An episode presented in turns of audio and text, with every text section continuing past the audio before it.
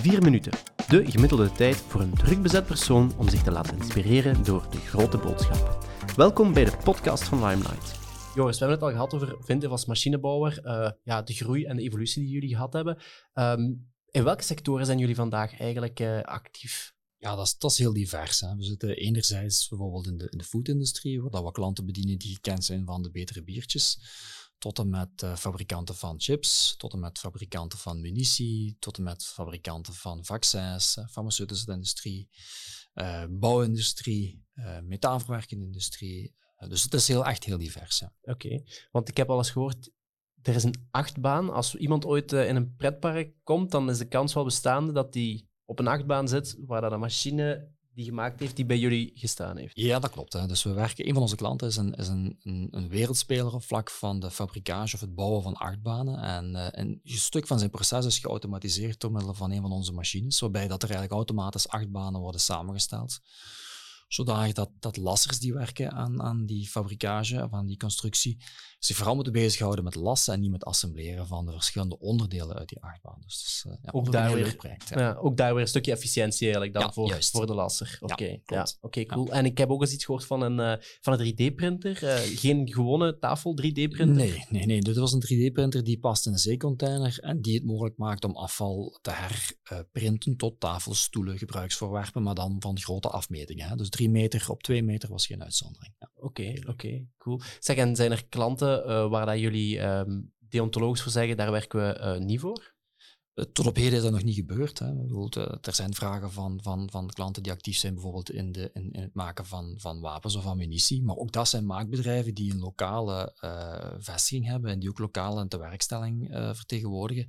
Ook die klanten worden door ons bediend. Mhm. Een stuk van jullie, van jullie missie is eigenlijk de maakindustrie hier houden. Ja, dat is absoluut. Dankzij automatisatie, waardoor dat wij eigenlijk die loonkost voor een stuk onder controle kunnen houden.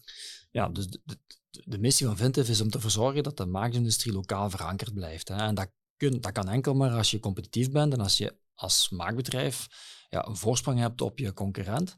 En dat willen we bewerkstelligen door, door maatwerk te leveren, door te zorgen dat je als, als maakbedrijf een machine hebt die je concurrent niet kan hebben, omwille van het feit dat deze op maat van jouw bedrijf ontwikkeld is geweest. En het gevolg daarvan is dat je natuurlijk concurrentiekracht wint en dat je sneller of goedkoper kunt produceren hier lokaal dan uh, je, internationale concurrent. Mm. En merken jullie een tendens van het uh, reshoren, het terugbrengen van bepaalde uh, maakindustrie naar Europese bodem, uh, na de hele crisissen die we al gehad hebben? Ja, absoluut. Hè. Je hebt enerzijds de pandemie die ook wel uh, heeft ingehakt eigenlijk in de jaren uh, 2020, 2021 en daarop volgend. Maar anderzijds ook het tekort aan elektronica, waar iedereen naar Azië keek, ehm, heeft, ook, heeft ook ergens duidelijk gemaakt dat een, een, een, een hoe zal ik zeggen, dat een productie vaker in eerder een mondiaal gegeven wordt en niet enkel maar in een lage loonland uh, plaatsvindt. En er zijn toch veel bedrijven die de stap terugmaken van oké, we gaan niet produceren enkel alleen maar in Azië of in een lage loonland, maar we gaan toch bepaalde zaken terugbrengen hier voor de lokale markt. En dan dient je natuurlijk de noodzaak om te automatiseren, zodat je dat ook natuurlijk concurrentieel kan doen. Mm -hmm. Oké. Uh, zijn er focussectoren waarop dat jullie echt wel willen inspelen? We merken dat uh, in bepaalde sectoren uh, maatwerk beter gesmaakt wordt dan in andere. Een van die sectoren is bijvoorbeeld de farmaceutische industrie, die van nature uit heel conservatief is. We doen dat al 50 jaar zo, dus we gaan dat nog altijd zo blijven doen. Waar we nu toch stappen zetten uh, om te gaan automatiseren, om ook daar concurrentiëler uit de hoek te komen.